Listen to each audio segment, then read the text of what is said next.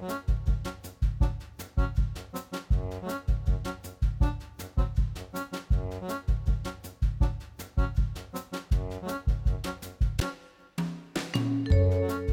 og sæl og velkomin í mannlega þáttin. Í dag er miðvíkudagur og það er fjórði januar og eins og Pétur sagði þá er Melkorka Ólastóttir með mér í þættinum í dag. Já, ég er mætt. Já, eigum að rifja upp eitthvað sem hefur gerst á þessum degi gegnum suguna. Endilega. Byrjum á árinu 1483. Þá var Andris Guðmundsson handtekinn á Reykjólum eftir skotbardaga. Já, við nefnilega rifjum upp í gær. Þetta tengist sko viðböru sem við fórum yfir í gær. Uh, því að 1483 í gær, sem sagt 3. janúar, þá var bissum beitt í bardaga á Íslandi í fyrsta sinn svo vita sé. Svo bara strax daginn eftir uh, er Andris handtekinn. Það hafa, hafa mæntalega ekki verið rafbissur. Nei, valla þrývita prentaðar heldur og, og ég held að bissu lög bara hafa ekkert verið komin á þessum tíma. Nei, mæntalega ekki. Já, en, en hann var handtekinn bara strax og, og svo þurfum við kannski, kannski kemur á næstu dugum einhvað sagt frá hva, hver eruðu afdrif hans. Þetta er æsi spennandi. Já, en árið 1917 tók fyrsta íslenska ráðuneytið undir forsæti Jóns Magnússonar til starfa þar að segja á þessum degi árið 1917. Og árið 1985 komst kaffiböynamálið svo kallaða í hámæli þegar helgarpósturinn greindi frá rannsók, skattrannsóknarstjóra á kaupum sambands íslenskra sveitafélaga á kaffiböynum frá Brasilíu. Já, og svo var það þessum degi árið 1994 sem að mikill samdráttur í herstöðinni á Keflauguflugvelli varð F-15 orustu þótum var fækkaður 12 í fjórar, hlustunar og miðunarstöð var lokað og hermönnum fækkaðum tæplega 400 í nokkrum áfengum. Svo þetta fór bara herstöðin burt skömmu síðar, nokkrum árun síðar. Umhett. En yfir í efni þáttanins í dag, SIBS hefur framleitt uh, átján örmyndbönd sem að ganga undir heitinu Hilsumólar. Myndböndin svara áleittum spurningum um málefni helstu áhrif að þátt að heilsu og gefa góð ráð, einföld og hagnýtt ráð. Eh, hvert myndband svarar mikilværi spurningum varandi svefn, streitu, mataræði eða reyfingu sem eru veigamiklir og áhrifaþættir á heilsu auðvitað. Og Guðmundur Löfi, framkvæmdastjóri SIBS og Gunnhildur Sveinsdóttir, verkefnastjóri, ætla að koma til okkar og segja okkur frá þessum heilsumólum og starfsemi sambandsins hér á eftir. Breytingaritningin eða Yi-Jing sem á ennsku er kölluð Book of Changes er að öllu líkindum þekktasta reyt kínaveldis. Reytið byggir á ævafornum texta og er grunnur að kínverskri heimsbyggi, sérstaklega taoisma. Breytingaritningin hefur verið leiðbennandi reyt fyrir bæði valdamenn og venjulegt fólk í Kína í ár þúsundir og fræðmennum allan heim hafa sömulegis velt fyrir sér eðli og intaki reytsins frá því löngu fyrir ártalið 0 og til dagsins í dag. Á morgun feð fram málþingum breytingareitninguna á vegum Konfúsíusar stopnunareinar, Norðurljósa í Háskóla Íslands. Geir Sigursson, professor í kýmesku fræðum, allar að koma og fræð okkur nánar um reytið og vanga velturnar sem tengjast í. Já og svo fáum við postkort frá Magnús R. Einarsinni í dag og í postkorti dagsins segir hann okkur frá áramótonum í Berlín sem urðu ansi róstursöm en líka frá þýska þjóðurettinum Kurivúrst en eh, hann er að tapa vinsaldum hjá ungu fólki sem kýs frekar pasta, pítsu eða kebab og undir lokin segir hann frá þeirri nýju tilneyingu ungra manna að brinna músum eftir tapleiki í fókbólta. Já, það er nú kannski skára en margt annað sem hægt er að gera þegar maður tapar. Já, já, en þetta er pínu fyndið að horfa á heilu liðin, hágráta til dæmis á HM eftir þetta út, auðvitað er þetta kannski mikið mál fyrir þeim, en, en já, já. Já, já, það, við sjáum hvað Magnús hefur að segja um þetta eftir. Já. En við byrjum uh, á tónlist, þetta er Rúnar Júliusson að syngja lægið Það þarf fólk eins og þig. þig fyrir fólk eins og mig frá bláa lónsböðum að myrstu sjávarstrand frá veð þekktum stöðum út í ókannuð land. Þar fólk eins og þér fyrir fólk eins og mig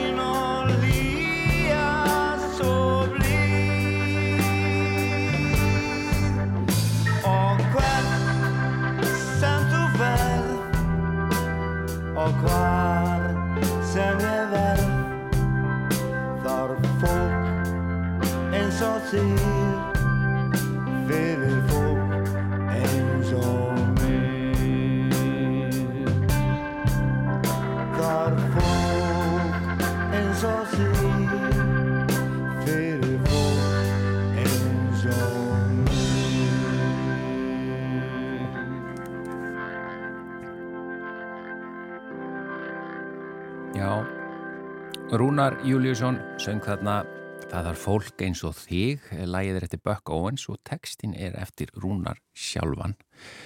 Eh, En við erum komin hér með góða gesti, þetta eru Guðmundur Löfi, frankantastjóri SIBS og Gunnhildur Sveinsdóttir, verkefnastjóri. Velkomin í manlega þáttinn. Takk fyrir. Takk, takk. Það við ætlum að ræða aðeins hilsumóla sem að uh, SIBS hefur verið að, að senda frá sér núna, byrjaði í haust ekki satt. Jú, Jú. jú.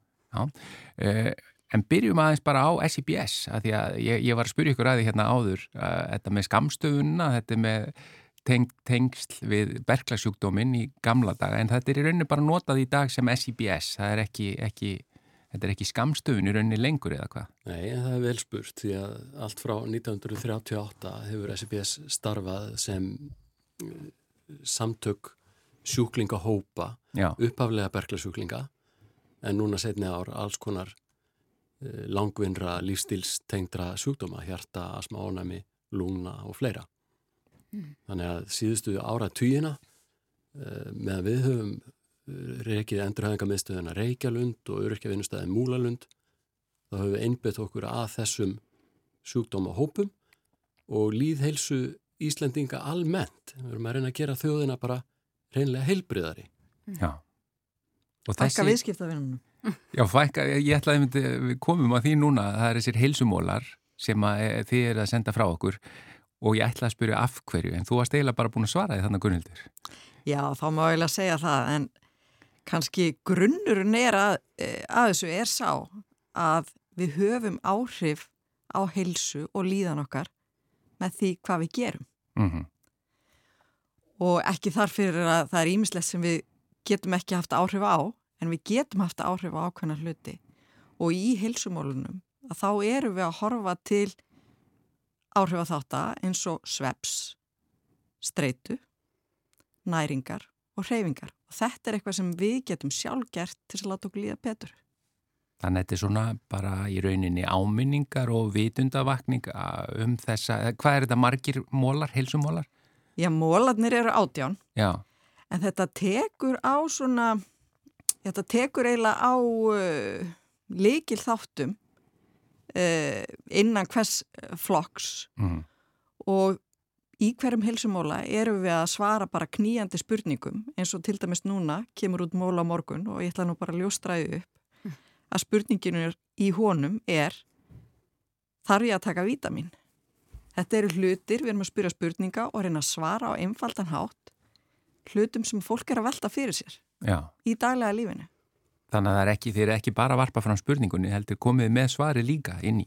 Við komum með lausnir Já, sem eru mjög einfaldar og færi flestra að fylgja.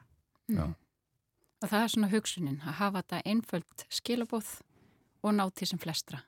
Akkurat og við vitum það að lífstílsbreytingar eh, hvað ég að segja, það, það er svona áhyggjaefnistundum um áramót, fólk allar að gera svo mikið Mm -hmm. en við vitum að það er 365 dagar í árinu og við þurfum að hafa úthald í lífstílsbreytingar og að skipti mestu máli bara þess að daglegar ákvarðanir um það hvað við gerum eins og ákveðum við að taka bílinn út í búð eða tekur okkur 5 minútur að ganga ángað mm eða tökum við stegan í staðin fyrir liftuna eða veljum við að taka að borða gróftpasta í staðin fyrir fínt. Það er bara þessar litlu ákvarðan sem skipta máli. Þetta þarf ekki að vera stóra áttak eða eitthvað stórkostlegt sem við erum að gera. Heldur bara litlar ákvarðanir sem eru að færa okkar alla að Mhm. gera. Þetta er svona forvarnar hugsun, frekar heldur en að tækla kannski vandamálinn eftir á. Já, Já, má segja það, Já. því að stóra myndin í þessu er að heilsufars skaði, svona hagfræðilegt hugtak þjóðurinnar. Það er hægt að mæla það í mann árum, hversu mikið tapast í sjúkdómi eða skerðingu og þetta eru gríðarlega stærðir. Þetta eru, uh, þetta eru týjir þúsunda mann ára í raun og veru sem tapast á hverju ári vegna heilsufa skada sem mis auðvelt er að koma í veg fyrir, sumt er náttúrulega ógerningur að koma í veg fyrir, meðan annað er, er einfallega hægt að grípa inn í fyrir hvern og einn og draga að minnstu kostu úr líkunum á því. mm. Og þetta skila sér í hagrænum stærðum upp á uh, miljardar og 10 miljardar og 100 miljardar jafnvel. Mm. Uh, bursið frá kostnæðinu við heilbyrðiskerfi sem að líka má telja í 100 miljardar. Einmitt. Þannig að það er svo, til svo mikils að vinna fyrir okkur sem samfélag. Að jafnvel þótt þessir heilsumólar hafi bara 1% áhrif á alla, þá eru við samt að tala um alveg gríðarlega þjóðhagslegan ávinning. Mm Til að tala nú ekki um fyrir hvern og eitt sem að geti, eins og Gunnhildur kom inn á, bætt lífstilinn og bætt þannig, sko ekki bara árum við lífið, heldur líka lífið við árin og það er vannmetið. Einmitt. Já, við megum flest búast við því að, að svona setni hluti æfina sé lifaður við skert lífskeiði. Mm En þessi áherslu atriði í mólunum, svepp, streita, næring og reyfing, hvernig völdust þessi atriði? þetta er ekki eitthvað sem við veldum sjálf í sjálfu sér. Þetta eru bara mjög þekktir áhrif á þættir hilsu. Mm Við vitum auðvitað tóbak og áfengisneislu og ýmislegt annað hefur á, áhrif en það er svona áhættu hægðun sem við e, temjum okkur sum. en þetta eru þekktir áhrifa þættir heilsu og, og um, marg skoðaði í raun og veru og þetta eru þættir líka sem að við getum gert eitthvað í. Mm, sjálf. Já. Og þið hafið að því að þetta eru þessi þemu og Mhm. þið hafið sleppt vídjón eða að myndböndunum að þetta er ekki lengur myndbönd þetta er bara stafræn vídjó eða hvað það á að kallast. Eh, Akkurat. þið hafið sleppt þeim í svona hópum eh, einmitt eftir þematengdu og ekkert á einhverjum tilvílina kendum tímum eh, útskýruð aðeins Gunnildur hvernig þið hafið verið að sleppa þeim? Já, það er, nú, það er nú bara þannig með svona skilabóð að þau ná betur ef að við erum með spert eirun og fólk sem að til dæmis á við langvinna sjúkdóma að etja að, að það kannski er móttækilegra fyrir svona skilabóðum að því að veita að þessi hluti geta haft áhrif á líðanina. En við erum að reyna að nálgast fólk á þeim tímapunkti þar sem það er kannski mögulega að velta þessum hlutum fyrir sér. Að þetta er raunverulegt vandamál. Og eins og við byrjuðum að svefni núna í haust en við þekkjum það mörg að, að, að svefning getur farið í ruggli við sumarið og rútínan er ekki í gangi þannig við ákveðum að fjallum svefnin í haust þegar flestir eru að komast í rútinu og svona gera það ráð fyrir að fólk sé opi fyrir þeim skilabóðum og svo núna fyrir jólinn þegar fólk, yngra fólk margt er í prófum og mikil streyta í gangi og fjölskyldur eru að kaupa jólagjafar og undanbúa jólinn að þá fjöllum við um streytu og svo vitum við líka að í upphafi ást þá eru reyndar mjög margir að velta fyrir sér næringamálum og með fyrirætlanur um ímsa breytingar í þeim efnum er reyndar líka hreyfingu en þessna ákveðum við að fjalla um næringunum núna og svo komum við inn með ISI í tengslu við lífslaupið núna í februar og fjöllum um hreyfingu og þar einmitt tökum við líka á spurningum eins og bara hvaða hreyfingu best til þess að koma sér að stað. Já, Ta talandum í þessi að því þið eru, það eru samstarfsaðilar, er það ekki, þessu, hver, hver eru það? Já, nú er ég hrætt um að gleyma einhverju því að telja það upp en landlækningsembati hefur komið að gerð heilsumóluna í öllum flokkum.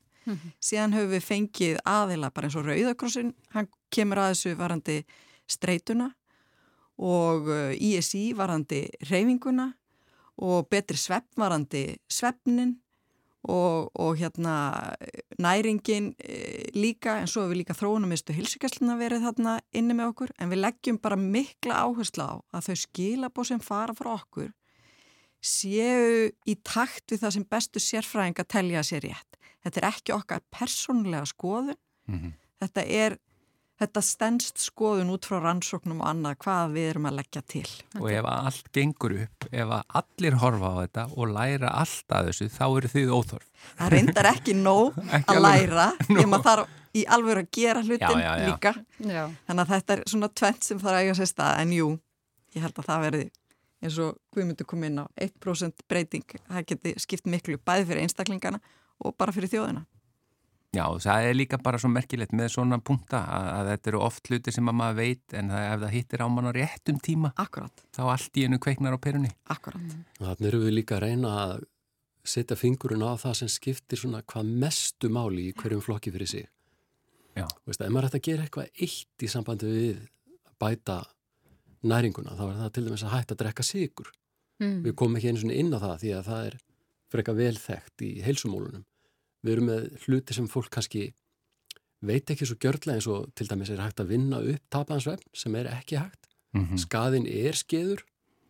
Það er hugrænt skaði og minniskaði og alls konar sem að, sem að verður við það að missa svefn því miður. Þannig að svefngæðin er eitthvað sem að þarf að vinna í stöðugt.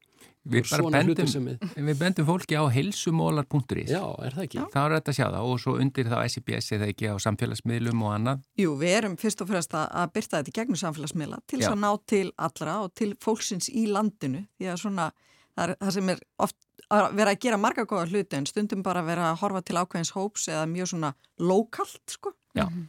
En Guðmundur Löfi, framkvæmtastjóri SIBS og Gunnhildur Sveinsdóttir, verkefnastjóri. Takk innilega fyrir komin í mannlega þáttin. Takk fyrir okkur.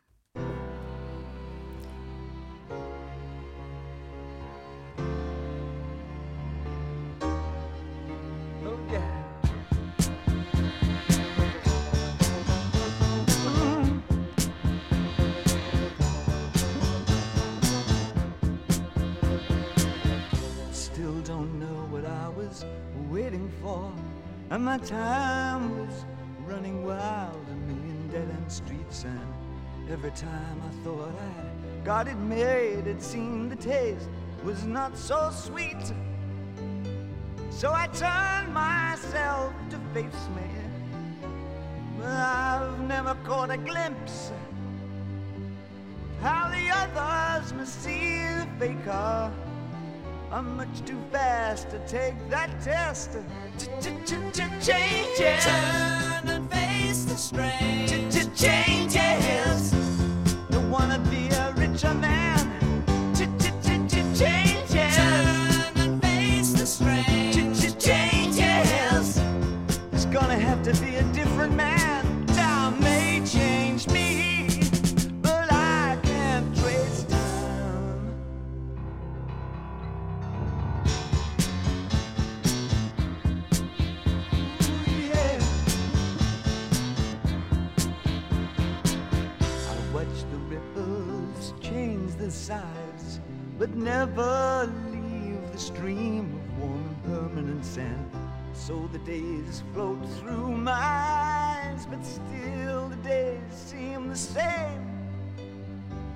These children that you spit on as they try to change their worlds are immune to your consultations. They're quite aware of what they're going through. Changes. Turn and face the strain. Changes. Don't tell them to grow up out of it.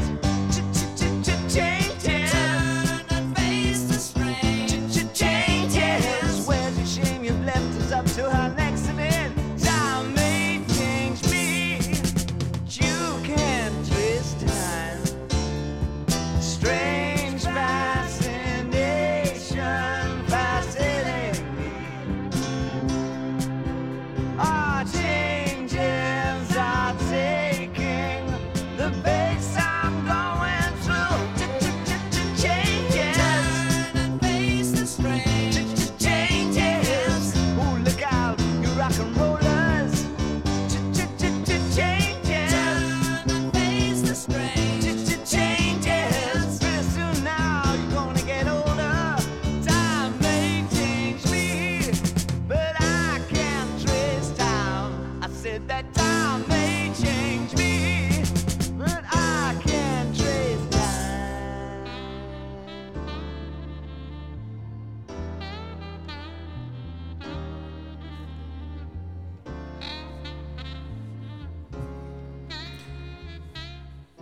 David Bowie og lagið Changes dásamlegt lag en það er engin tilvílun að við spiljum þetta núna Melgorka.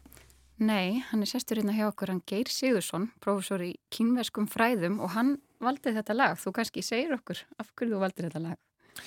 Já, þetta var svona frekar einföld kannski samsvörun bara við breytingarreikninguna sem að snýst náttúrulega með um breytingar og, og það er svona ímislegt í textan hjá David Bowie sem að minnir svolítið á svona hennar bóðskap Já, Heldur hann hafi verið undir áhrifum? mm, ólíklegt en uh, það er svo sem aldrei að vita það voru nú svona margir hérna, tólestamenn voru mjög áhuga samur um ímis svona exotísk rit á sínum tíma þannig að það er aldrei að vita um að það hefur komið upp einhver tíman. Breytingareikningin, eða Yijing eða Book of Change á Já. ennsku, þetta er stórmerkilegt rétt. Já, Viltu kannski byrjaði að segja okkur aðeins nánar frá því? Já hvað er við langa tíma? Ekki mjög langan. þetta, er, þetta er mjög formdrið Já. og svona elstu hlutarnir eh, ná kannski alveg aftur til svona 12-13. aldar uh, fyrir Krist uh, og það verður til svona úr spádómum sem að voru uh, framkvæmdir á þessum tíma hjá konungum sem að voru yfirleitt uh, svona seiðmenn líka og á þeim tíma þá var notast sérstaklega við skjálpökuskeljar og hérna bein úr, úr nautgripum. E, það voru sagt, settar boruð gött í, í skelljarnar og beinin og svo var lagður e, hiti að þeim og svo sprungu þau. Og segðmennir gáttu þess að lesi þessar sprungur mm -hmm. til þess að fá svör við einhverjum svona mjög konkrétt spurningum. E, til dæmis það hvort að ætti að fara í, halda í hernað eða, eða, eða eitthvað annað sem að, sem að bara hreinlega tengdist hverstagslífinu á sínu tíma og smám saman þá uh, þróaðist þetta kerfi uh, í þessa breytingaritningu á mörgum öldum í raun og veru og ég hugsa kannski að nýjustu hluta ritsins hafa nú ekki verið skrifaði fyrir kannski þúsund árum síðar eitthvað, eitthvað þess að þar Mhm. og síðan var það sett saman á, á hann tímanum sem að hefst á þriðjuvald fyrir Krist. Þetta rít er samsett úr hvað, 64 táknum sem Já. að þarf að tólka svo. Akkurat, já. Mm. Þessi tákn eru, eru sko ákveðin þróun einmitt á þessum kannski sprungum sem að Mhm. mynduðist þarna í, í, í beinunum á, á sínum tíma eh, og eru, það er sér 64, eh, við kallum þetta sex línu tákn, þetta eru, þetta eru sex línur í hverju einasta tákni, eh, óbrotin eða brotin lína, eh, brotna línan táknar yin og óbrotna línan táknar yang og eh, það eru til sérst á 64 útfærslur á þessum, þessum táknum Mhm. og hvert og eitt tákn getur við sagt e, táknar e, einhverja tiltekna afstöðu hluta á ákveðnum tímapunkti Mhm.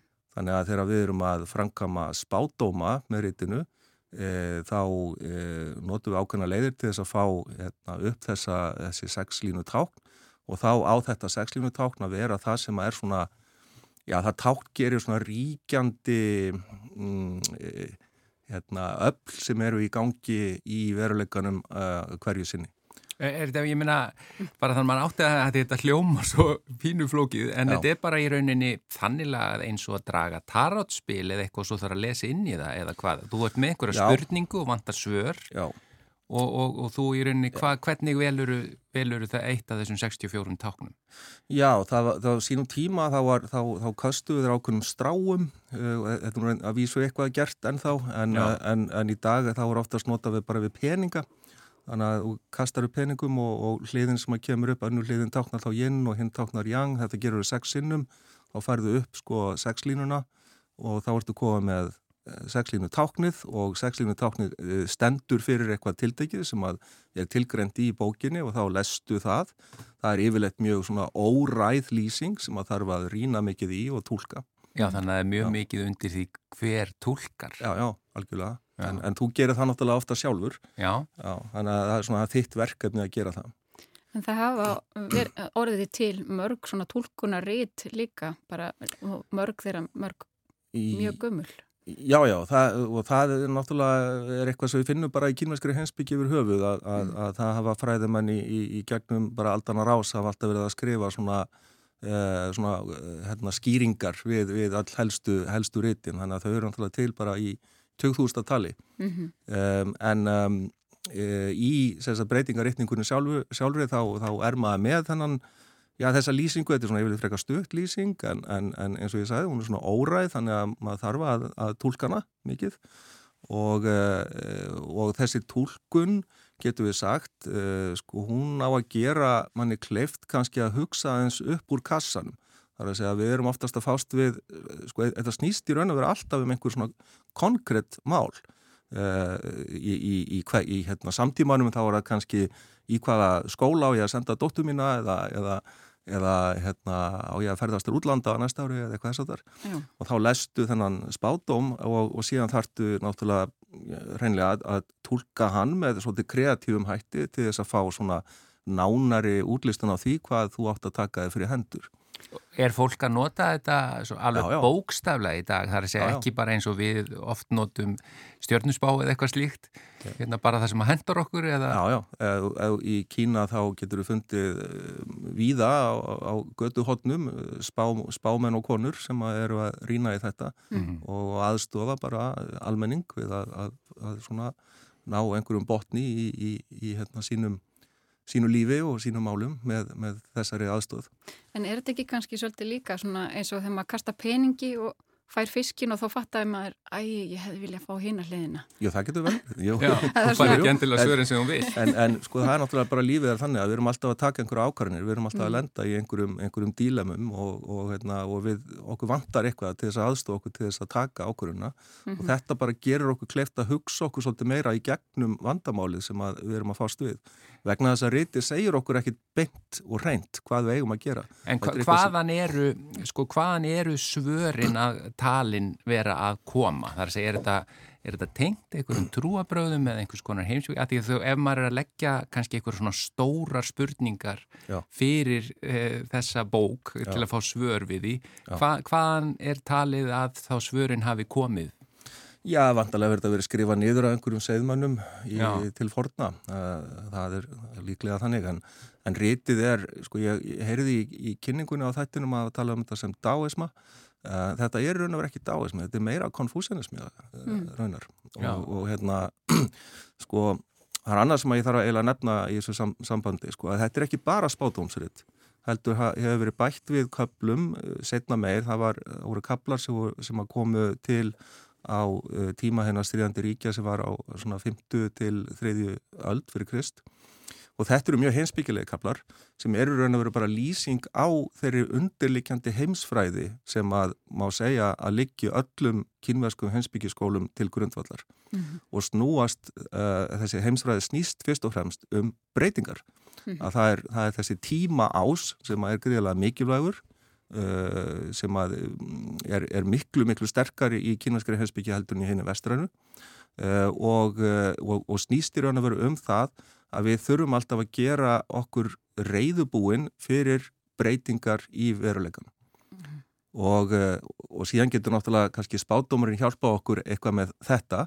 En, en sko ég held að í svona miklu víðara samhengi að þá, þá snýst þetta bara hreinlega um það að átta sig á því að, að, að veruleikin er á margan hátt uh, sko óræður, uh, það, er, það er ekki hægt að vita hvað, hvað gerist næst og þess vegna þurfum við að vera tilbúin til þess að taka við þeim breytingu sem að munu eiga sér stað í þessu uh, endalösa flæði, þessu tímaflæði, þar sem að allt er í raun og veru á hverfanda kveli.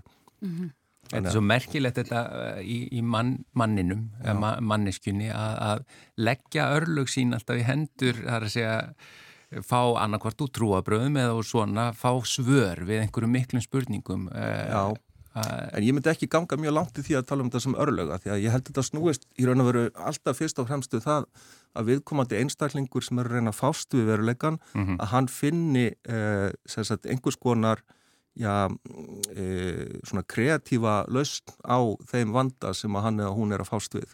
Þetta er svona hjálp til að undurbúa sig fyrir breytinguna sem er kannski óhjákamileg. Hún er óhjákamileg Já. af því að, að það, er, það er náttúrulega stóri uh, þátturinn í þessu er að breyting, brey, það eina sem að breytist ekki eru breytingarnar. Einmitt. Já, Og það eina sem er örugt í lífinu er að allt breytist. allt breytist. Já. Já, og, og þessi bók með bara 64 táknum, já.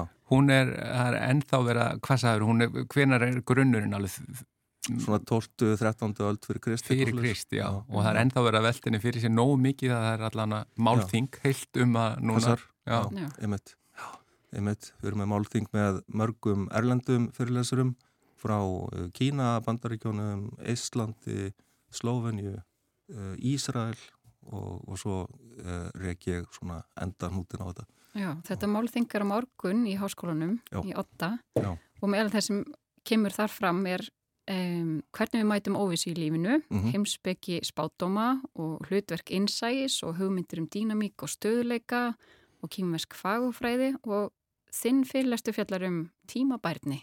Já, já, það, ég bara er að leggja sko einmitt áherslu á það að þetta snýst fyrst og fremst um tíman og, og það að, að e, vera á réttum tíma með það sem að maður ætlar að taka sig fyrir hendur. Mhm. Það, er, það er ákveðin skinjun sem að e, maður á að geta tilenga sér út frá breytingareikningunni og er reyndar mjög stert, e, svona, sterku þáttur bara í konfúsianiskri hensbyggi yfir höfuð. Mhm. Að það er að, að hafa mynda sér ákveðna sko, skinjun bara á framvendu tímans og, þe og, og þeim breytingu sem er eiga sér stað og, og, gera síðan hlutina á réttum tíma þannig að þeir takist sem allra best. Mm. En er þetta ekki líka spurningu um meðutund um jafnfægi, allt þetta þess- þessi hugsunum yin og yang?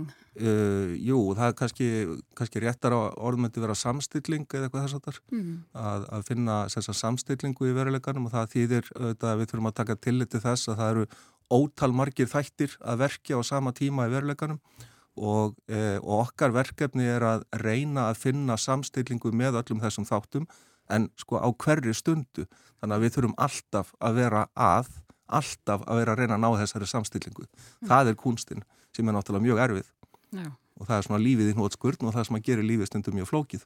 En það er kannski að leita að einhvers konar öryggi í breytingareikningunni í frammi fyrir öllum þessari óvissu. Já, hún hjálpar til, hún hjálpar okkur bara til að, að hugsa hlutina svolítið upp og nýtt en á endanum þá er það við sem að þurfum að gera þetta sjálf. Mm Já, það er um nóg að hugsa. Geir Sigursson, professor í kýminsku fræðum, þakka þér innlega fyrir að fræða okkur um uh, breytingaritninguna. Bara, uh, mín var ánæðin.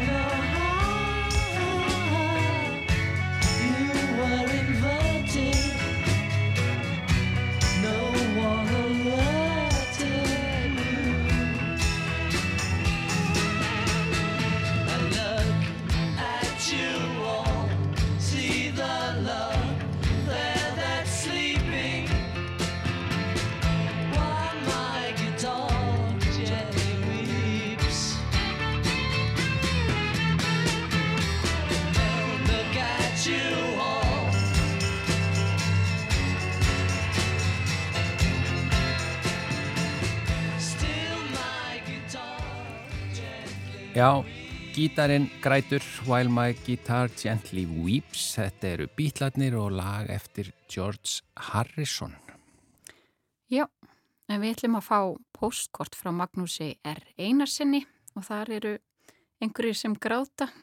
Það eru ekki gítarar heldur fótbolta drengir.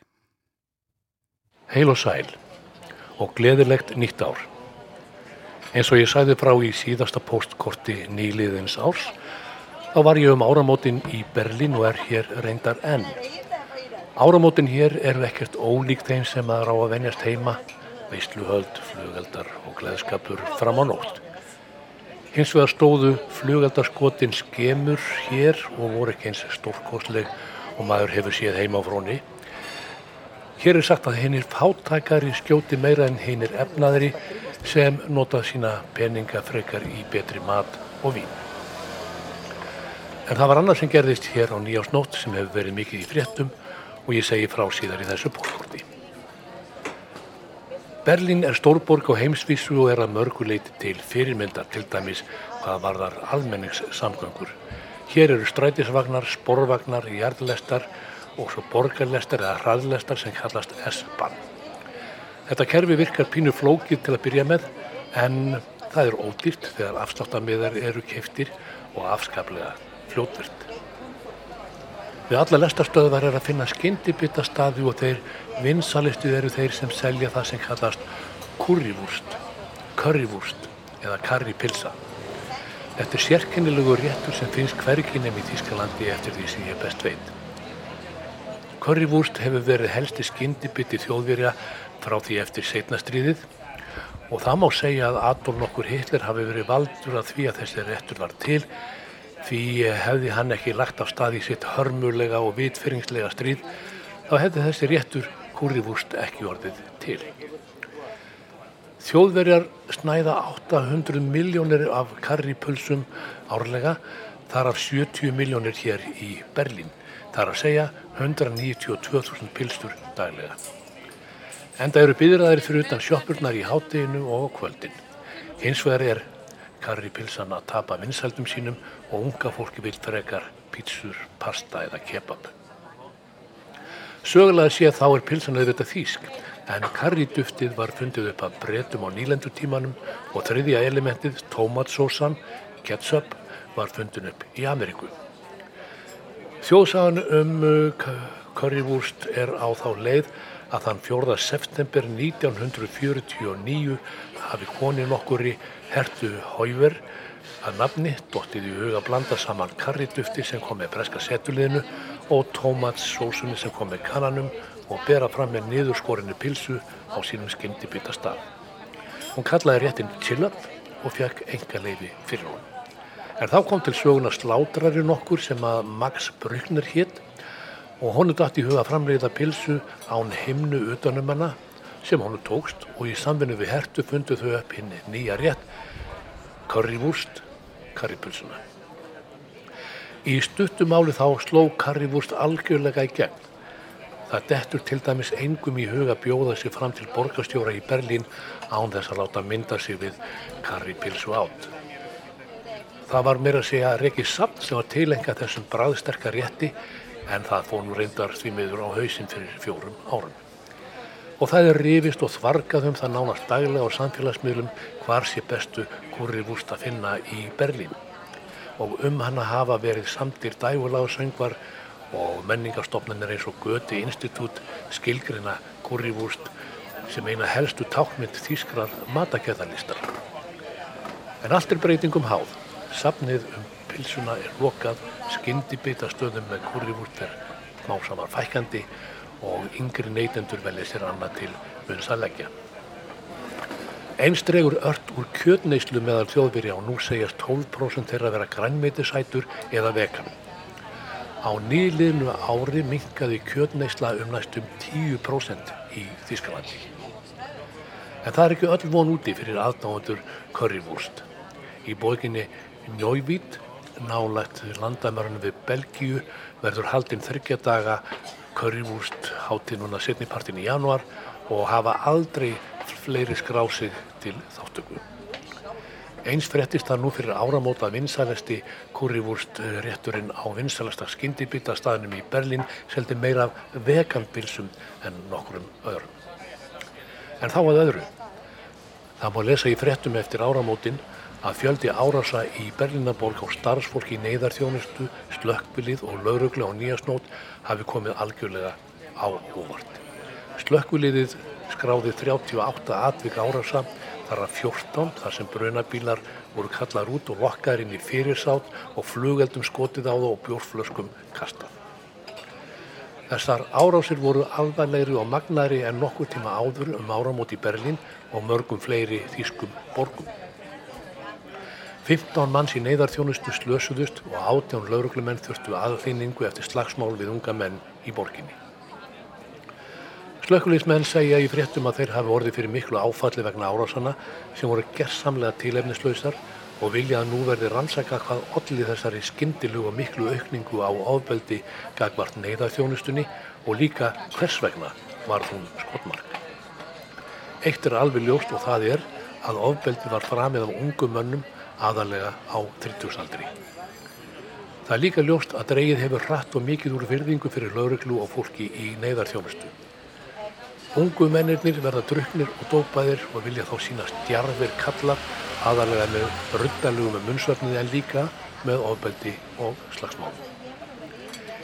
Í fjölmjölum má nú lesa marga greinar um ástandið um áramótin og það er reynd að fá einhvern skilning hvers vegna neyðarþjónustan varð fyrir barðinu á reyði og ofbeldi ungra karlmanna.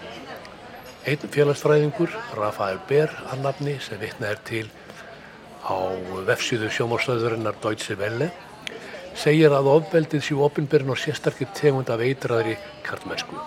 Þessir ungu menn vilja sínast kaldir kallar og halda að ofbeldi sé táknum hristi og hugrekki. Hann tekur samt fram að fjölmiðlum hætti oft til að dramatisera um of þegar ofbeldi er framið að druknum og dópuðum ungum mönnum. En vissulega geti ástandið orðið sérlega hættulegt þegar áfengir misnotaða mönnum með fullt af sprengiefni um áramót.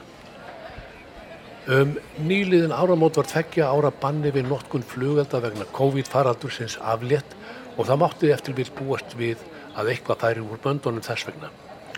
Þeir sérfræðingar sem vitna er til í fjölmjölum telja að þeir ungu menn sem beittu þessu heimskulega og hættulega ofbeldi hafi ekki neyn mótandi áhrif á samfélagið. Almenningi finnst þessar árásir gerðsamlega óásættanlegar og vill að við þeim verði beitt hertum refsingum. Samtök Þýskra lauruglumann hafa nú þegar kallað eftir strángari refsingum fyrir ofbeldi gegn þeim sem sinna neyðarþjónustu og slökkviliðið fer líka fram á að fá fleiri og betri myndavélar til að geta tekið upp þegar það lendir í árásum sem þessum.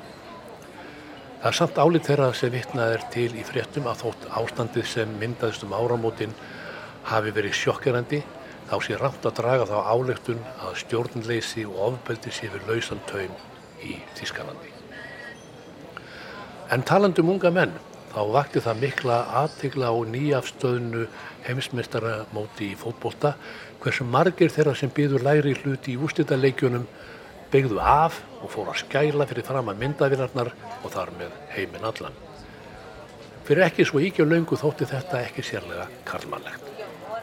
Mér minnir að það hafi verið ennskur fótboltakappi sem fyrstur vatnaði músum eftir tableik á heimsmeistaramóti Það var Paul Gascoigne, eða Gassa eins og hann var kallaður, sem grét eftir að englendingar töpuðu fyrir þjóðvörum eftir vítaspyrnukeppni í Torino á heimsmeistaramótinni á Ítalju 1990.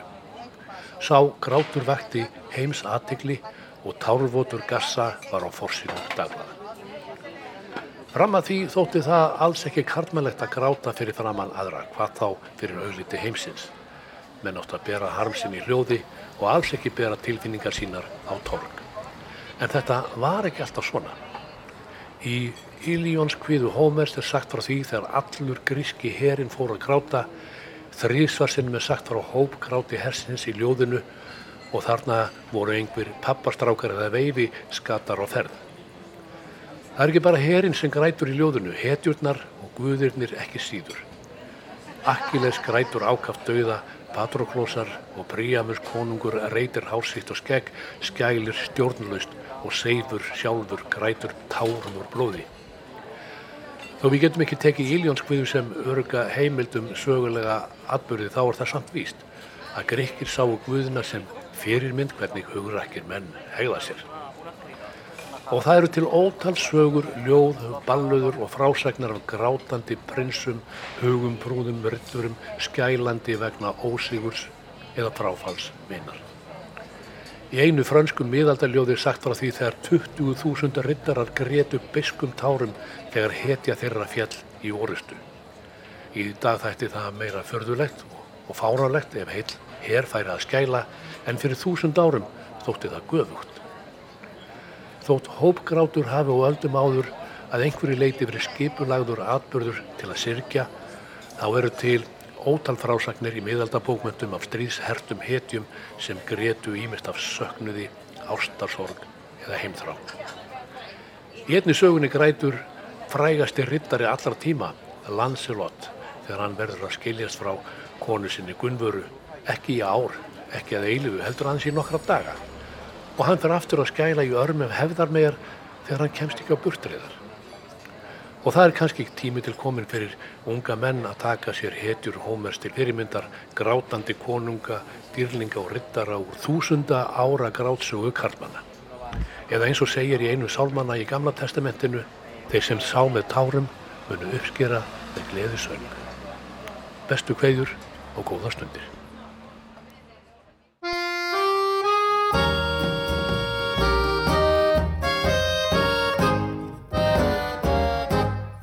Það var um nótt, þú drafst á dyr hjá mér. Að dyrnar opnuðust að sjálfu sér. Og inn þú komst og kveikti ljós mér hjá. Ég kraup að fótum þér í hljóðri þrá.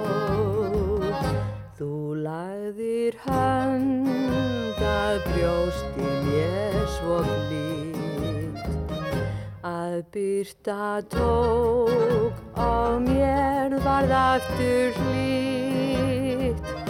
Og milda stund hver létt var leiðin heim. Um loftbraut hugans vor síns bjarta geim.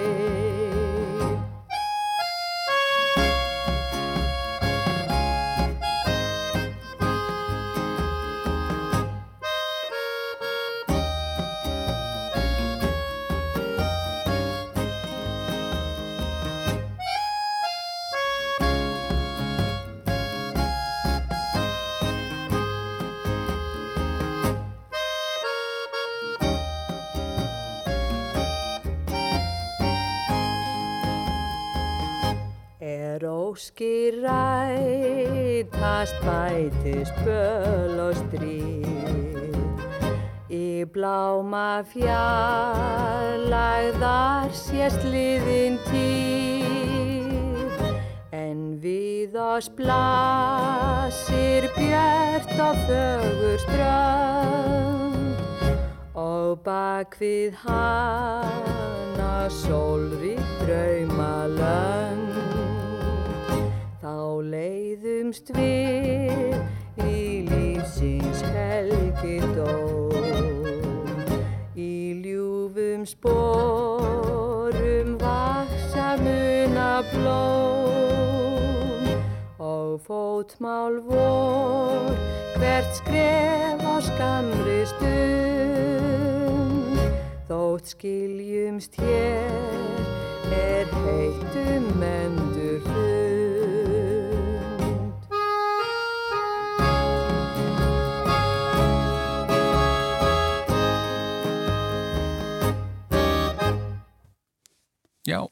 Erla Þorstinsdóttir, hún söng Draum fangans, lag og texta Freyðmóðs Jóhanssonar eða 12. september. og þetta er bara að loka lagi þættinum í dag. Við þakkum innlega fyrir samfélginu og verðum hér aftur á sama tíma á morgun. Takk fyrir í dag, verið sæl.